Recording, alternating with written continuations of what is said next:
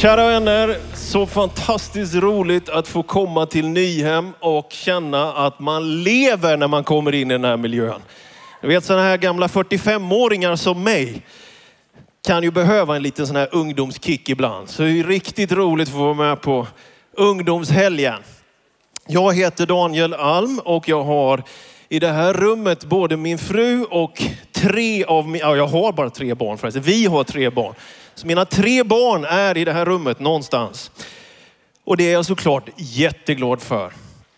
Temat idag är att Jesus, han är livet. Jag skulle bara direkt vilja säga, han är livet, hela livet. Jag har burit med mig en slags vånda och nöd som kommer, tror jag, genomsyra den här predikan. Och jag väljer att dela det bara pang på direkt. Jag är ledsen när det finns 45-åringar som mig som inte längre bryr sig om kyrkan. Som inte längre kysser den här boken. Som inte längre försöker ge någonting av det där extra till kyrkan. Till människor som har behov. Jag är bekymrad när man blir äldre och bara tittar på. Och jag längtar efter att det inte ska vara så i mitt liv och i ditt liv.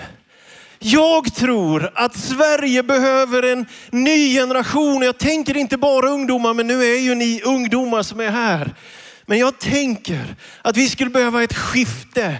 Vet ni, vi ska inte gå ifrån tro till tvivel, till agnosticism, till ateism. Ifrån hängivenhet till någon slags ljumhet, till någon slags bitterhet, till någon slags publikkristendom.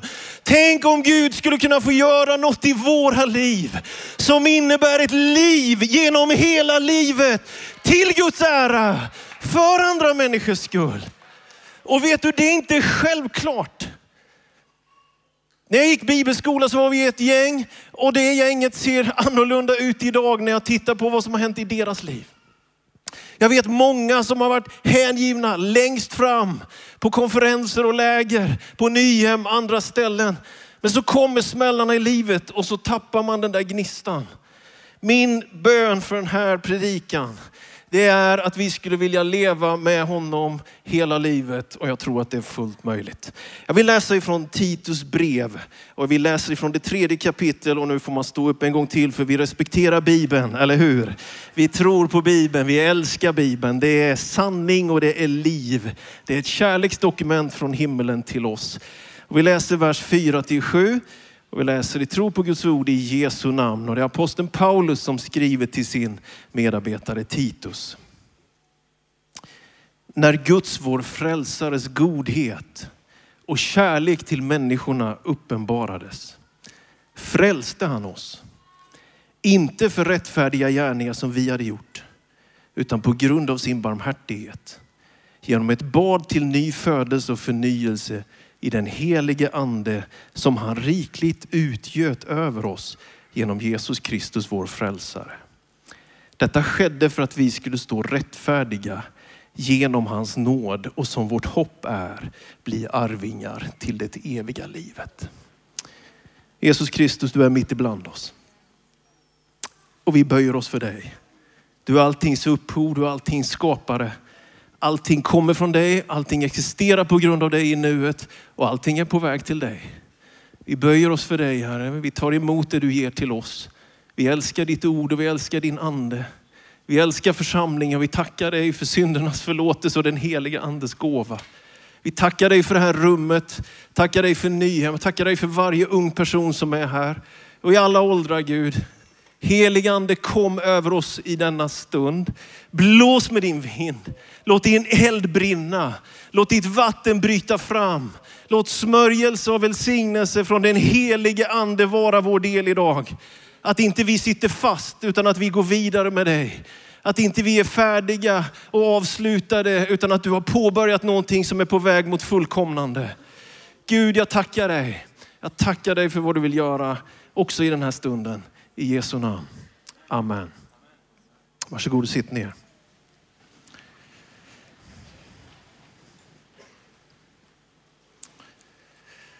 Ibland mår jag inte så bra, skriver Therese Lindgren.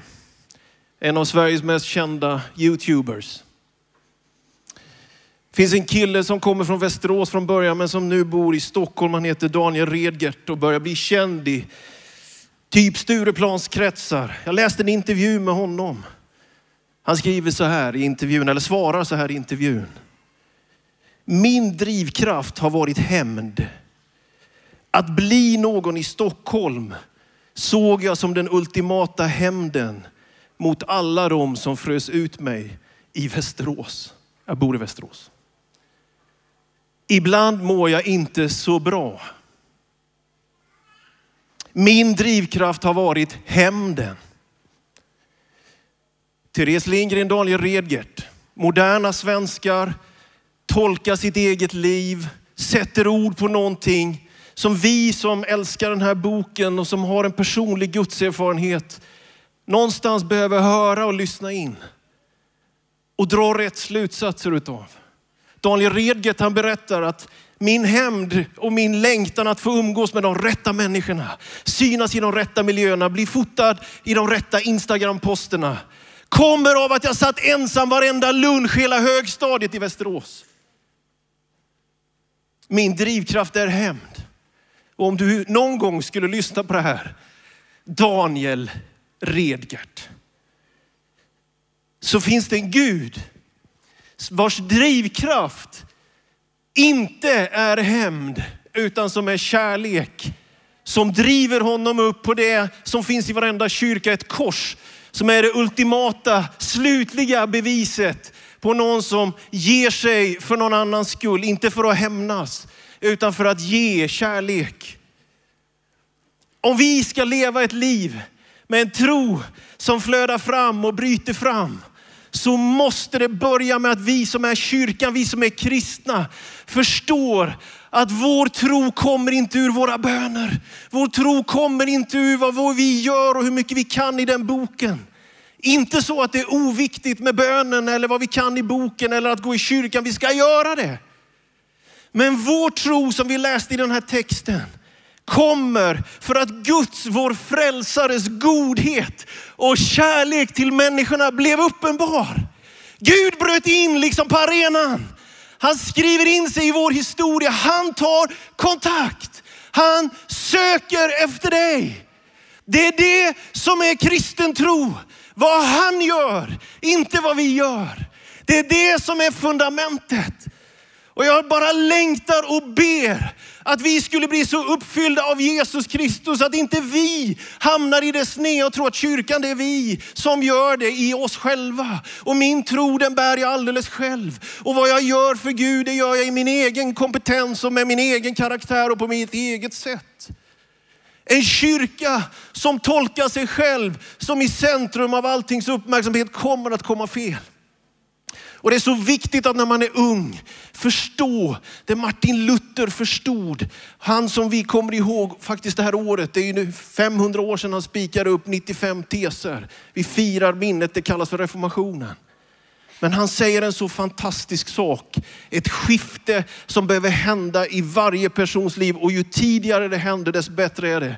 Martin Luther han säger så här, att när jag ser på mig själv förstår jag inte hur jag någonsin skulle kunna bli frälst.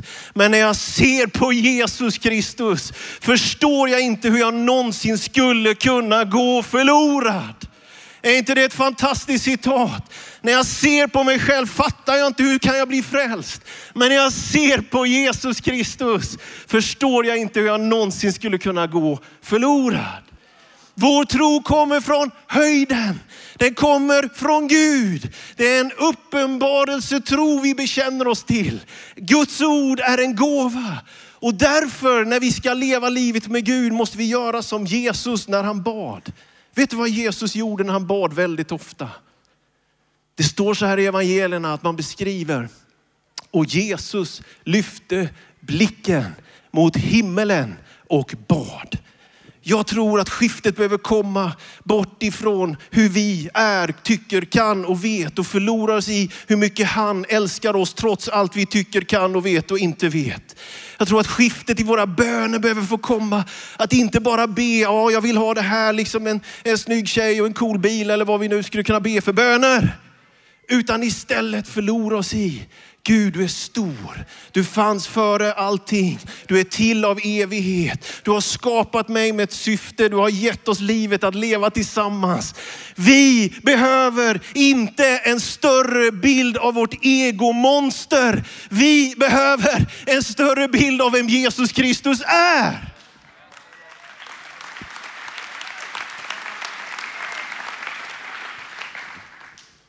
Men den här tidsandan predikar ju hela tiden. Satsa på dig själv, lyckas själv, låt ta ingen skit, gör inte något som du inte själv har lust med. Inordna dig inte någonting, låt ingen styra över dig. Och det här är något som gör att när kvällen kommer är så många ensamma. När kvällen kommer är så många oroliga. För det är tufft att stå för sin egen trygghet. Det är svårt att bära sin egen existens berättigande och istället få detta skifte att förlora sig i Guds kärlek. Att stå på ett fundament. Det var inte jag, det var du. Det var inte vad jag kunde, det var vad du gav till mig. Vi behöver be med ett större perspektiv av vem Gud är. Vi behöver fångas av bredden, höjden, längden och djupet av Guds kärlek. Det är min första punkt att det här är en tro som ska leva. Den behöver bygga på en uppenbarelse och det finns en wow-faktor i detta. Gud, du är stor, du är mäktig, du regerar. Och det finns en grupp i Nya Testamentet, en yrkesgrupp som har så lätt att fatta det här, som i varje fall jag och många med mig tror jag har svårt att förstå. Det är officerarna. Det fanns en man uppe i Kapernaum. Han stöttade bygget av judarnas byggnad, synagogan. En gång så blir hans tjänare sjuk och han sänder ett bud till Jesus och säger till Jesus, Jesus säg bara ett ord så blir min tjänare frisk. Det finns sådana exempel i Nya Testamentet på att officerarna började förstå vem är Jesus Kristus. De hade lätt att ta det till sig. Varför? De var vana vid chain of command. De var vana vid att vara underställda. De var vana vid att ta emot order. Vi lever i en kultur där vi är väldigt ovana vid att ta emot order. Men officeren förstod att om Jesus säger någonting ska ske så kommer det att ske. Han fattade det ur sin egen horisont. Säger jag till en gå så går han. Säger jag till en annan kom så kommer han. Men när du Jesus säger ett ord till en sjuk människa så blir den personen frisk. Han hade förstått vem Jesus Kristus är.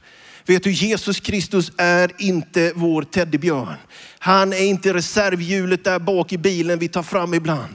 Han vill inte att vi ska leva ett liv som handlar om att vi vänder oss till honom när vi tycker det är lite jobbigt eller lite tråkigt eller någonting är lite svårt. Han vill regera i våra liv. Han vill att vi ska följa honom. Han vill att vi ska ge det vi har till honom. Och de här officerarna de fattade på något sätt i hjärtat att den mannen, det finns kraft bakom hans ord. För han är en helt annan person än den person vi är.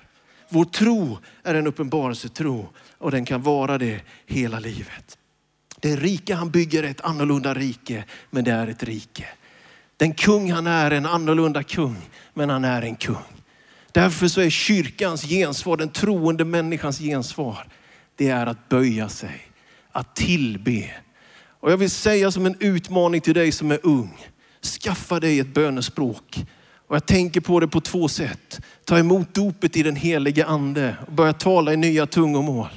Men jag tänker också att du behöver träna dig i, på samma sätt som vi hänger oss i lovsångerna, så är det en nöd över mig att vi som lever idag, vi behöver tränas i att formulera vår tro. Mitt grundtips är att säga tack Jesus fem gånger om dagen. Liksom. Börja där, det är bra. Tack Jesus. Ska vi säga tack Jesus? Att växa i Gud, du är stor. Gud, du är min skapare. Du har ingen början och inget slut. Jesus, du är alltid värd tillbedjan. Du är visdom när jag inte förstår, du är frid när jag är orolig, du är kraft när jag är svag. Du behöver tillägna dig ett språk så att du när du ber till Gud inte bara måste ha stöd av lovsång. Jag älskar lovsången. Hänge dig i lovsången, luta dig in, lyft dina händer, var med, yes, eller hur? Men det behöver inte vara knäpptyst sen när vi har lovsjungit klart, utan vi har ett språk. Vi är ett folk av lovprisning. Vi har fått vår tro från höjden och vårt gensvar på det är att tillbe, att böja oss, att ära och tjäna honom genom våra liv.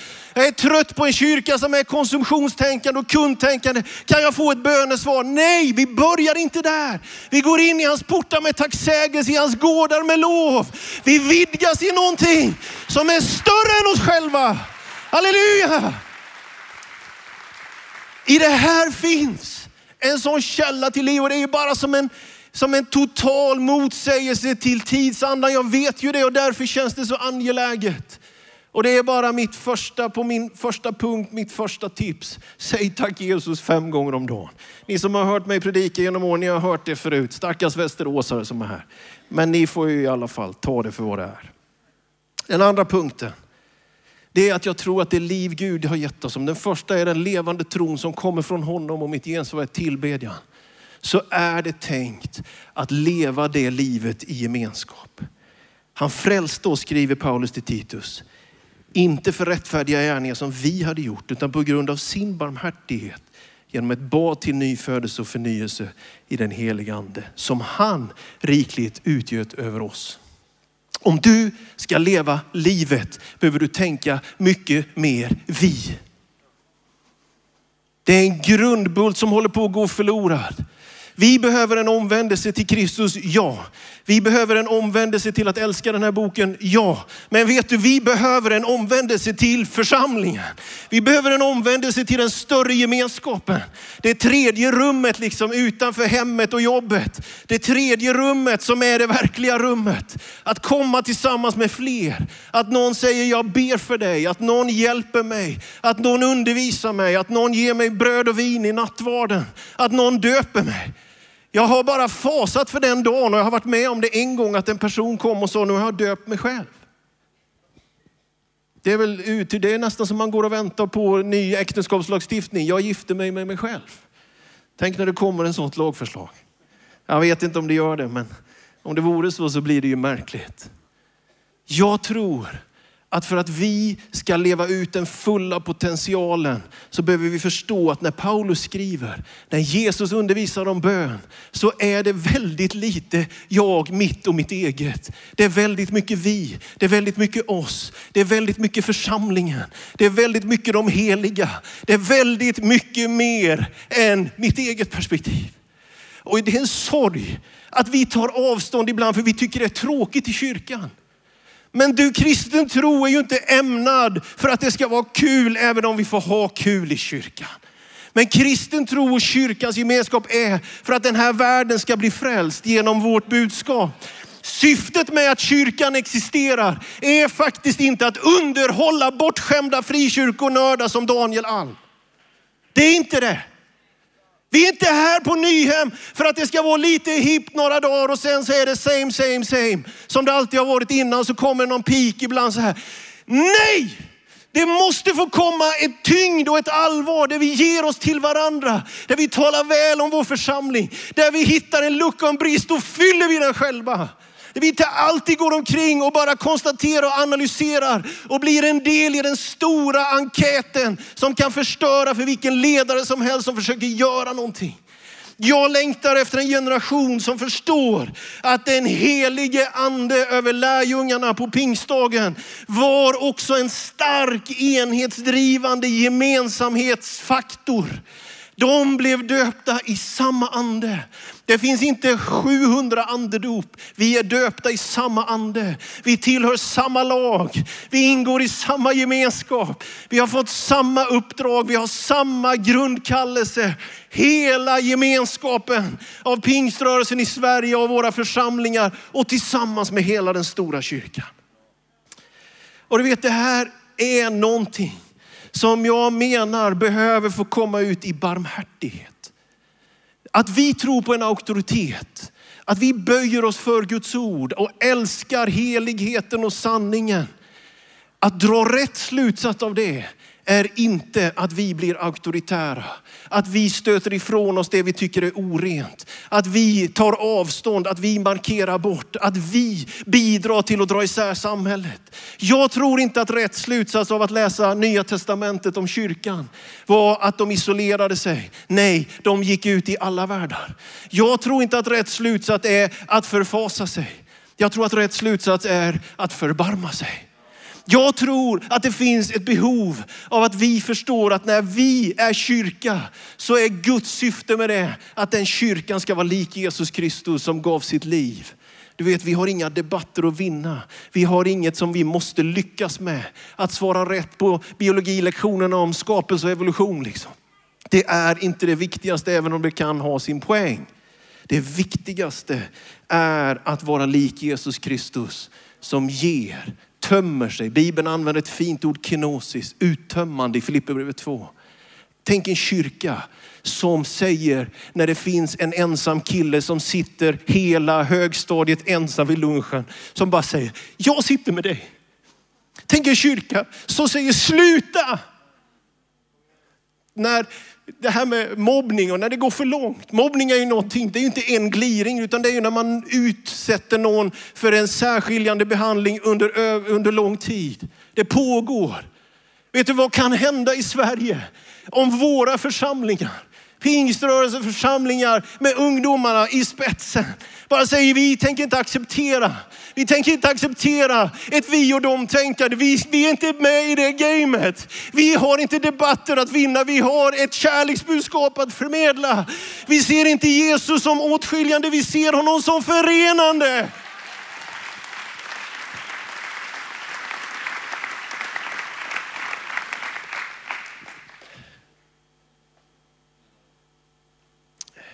En kyrka som tror på en auktoritet, en överordnad Gud, men som klär av sig finkläderna och tjänar samhället och gör goda gärningar. Det tror jag är att vara lik Jesus Kristus. Finns du här inne, jag vill bara säga det som en jättekort passus mitt i allt, som är mobbad. Så vill jag bara säga till dig, det är inte ditt fel. Och du är inte orsaken till det. Och du är faktiskt inte lösningen till det heller. Utan det ligger utanför dig. Det är vårt ansvar. Det är de som finns runt omkring dig. Det är inte fel på dig. Okej. Okay. I Galaterbrevet 5 och 22 så talar Paulus om nio andliga frukter. En av dem är tålamod. Fint ord, grekiska makrotomia. Det är att kunna hämnas men man avstår. Det är definitionen på det ordet. Det gudomliga tålamodet. Att kunna hämnas, men att avstå. Jag vet att det här är tufft. Jag vet att det här är svårt. Jag är själv en debattör.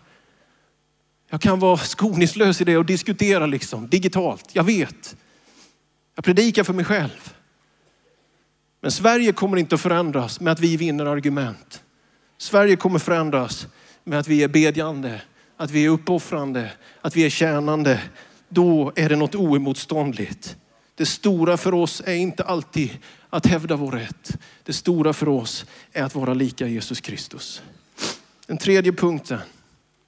Att leva ett liv, om det första är att få tron som gåva och leva ut den i hänförelse och tillbedjan. Och det andra är att leva ut det i en kärleksfull, barmhärtig gemenskap så är det tredje att du har ett uppdrag. Du har en tjänst, du har en kallelse och du har en gåva. Det handlar om pingsten. Det handlar om den helige andes gåva. Vet, jag är så otroligt tacksam att kyrkan föds inte runt ett styrelsebord. Kyrkan föds inte i huvudet på en pastors visionära kromosomer. Kyrkan föds inte för att några är osams och måste lämna den gemenskap man är del av.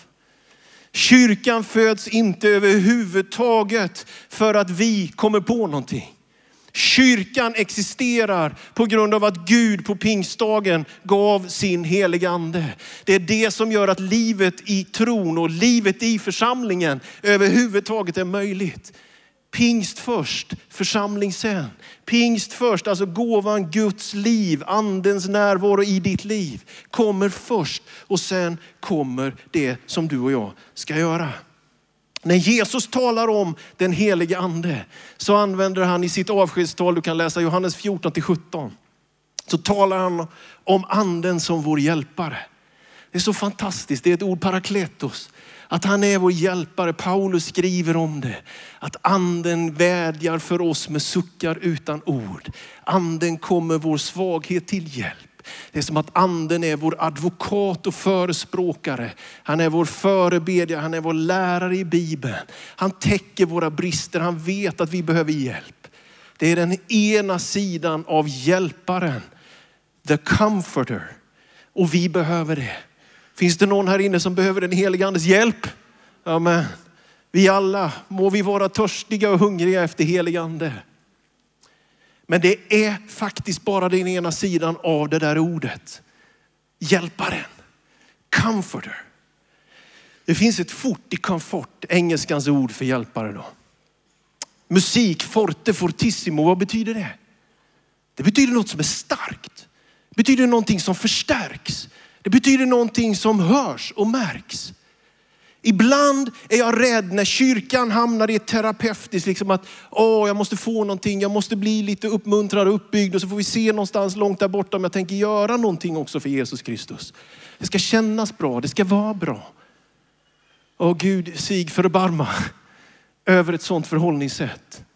Det är som att sjunka ner vet du, i en plysch, beige hörnsoffa med nedsuttna kuddar en lördagkväll och leta efter det sista chipset emellan dynorna. Men istället få i sig sin syrras hårstrå. Nej, vet du, när jag studerar ordet parakletos och comforter så leder det mig absolut till tröst och hjälp.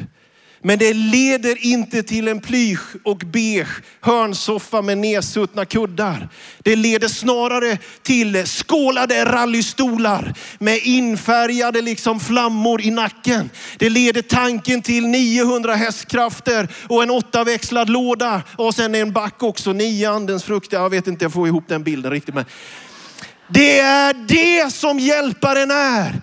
Eld i församlingen, uppdrag, liv, engagemang, styrka, passion, driv. Gör någonting och gör det nu. Hela temat i Apostlagärningarna är ni ska få kraft när den heliga ande kommer över er och blir mina vittnen. Åh, jag blir så trött om du tänker, ja, först när jag kan så mycket, då ska jag tjäna Gud. Eller när jag inte faller för frestelserna längre, då ska jag tjäna Gud. Nej, Gud ger dig helig ande idag för att du ska tjäna honom idag. Det finns inget som heter att ställa dig åt sidan för att inte använda dig på grund av någon synd eller på grund av någon okunskap. Gud använder oss genom sin heliga ande för att han själv vill det. För att han älskar oss. Vi behöver upp ur den där hörnsoffan i de skålade rallystolarna och fatta att kyrkan är någon slags kombination av en dragster och en stridsvagn. Kyrkan är en slags kombo utav ett fordon som på något sätt rör sig och tål lite stryk och som utför sin kamp för det bästa skull. Det är ett liv som jag tror att vi behöver leva. Och nu skulle jag vilja att vi står upp här i kyrkan, eller Nyhemshallen ska man väl säga. Och jag skulle faktiskt vilja avsluta den här predikan med att läsa ur ett dokument. Det här dokumentet, det, det är pingströrelsens dokument. Och min bön är att den unga generationen inte minst skulle ta det här till sitt hjärta de kommande 15 åren. Och få vara med och se en rörelse som formas och liknar det här. Vi har skrivit ett brev från framtiden och vi antog det i rörelsens årskonferens, vårt rådslag, bara för några veckor sedan. Och jag vill läsa det tillsammans med dig och sen ber vi utifrån det. Här är brevet från 15 år fram i tiden. Vi tror på Jesus och delar budskapet om honom med glädje. Vi älskar människorna. Vi erbjuder mening i livet och gör nytta för alla i samhället som behöver en bättre tillvaro. Vilken vettig verksamhet säger våra medmänniskor. Just detta saknar vi i ett samhälle som drivs av pengar, makt, konkurrens och tekniska framsteg. Men brister i kärlek, omtanke och medmänsklighet. Detta tomrum i samhället har vi lyckats att fylla person för person och hjärta för hjärta. Och som tack har vi fått en omstart och nystart som rörelse och en helt ny ställning i Sverige. Vi har vuxit till flera hundratusen människor och är kända som en varm, andlig, vardagsnära och attraktiv rörelse. Där troende från alla samhällsklasser känner sig hemma, oavsett om de är från Karlstad eller Khartoum.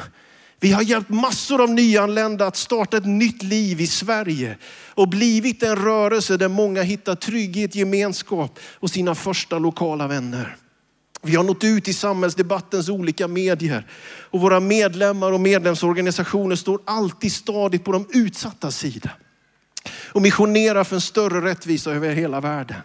Vi jobbar praktiskt med samhällets problem och är idag en av de organisationer som stöttar flest utsatta familjer i Sverige och är välkända och respekterade på samma sätt som Röda Korset och Läkare utan gränser. Vår starka tillväxt i medlemmar och ekonomiska resurser på hemmaplan har gjort att vi har kunnat utöka vårt globala missions och hjälparbete på ett sätt som vi aldrig tidigare trodde var möjligt. Vi tar allt större del i nätverk inom den globala växande rörelse vi är en del av.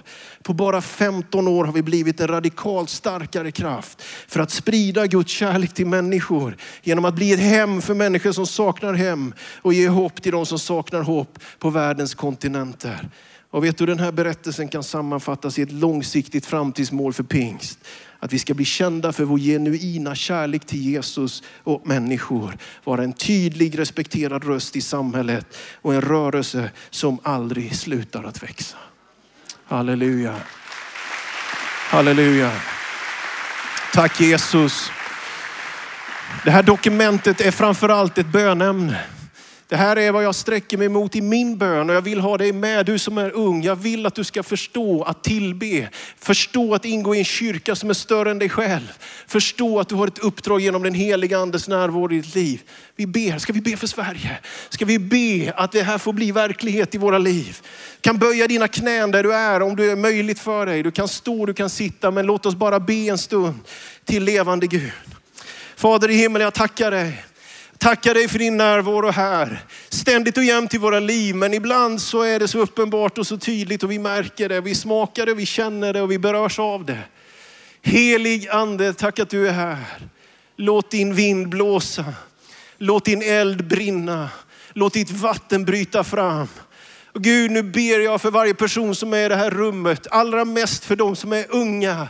Där identiteten formas. Där det finns kanske både besvikelser och press och svårigheter redan.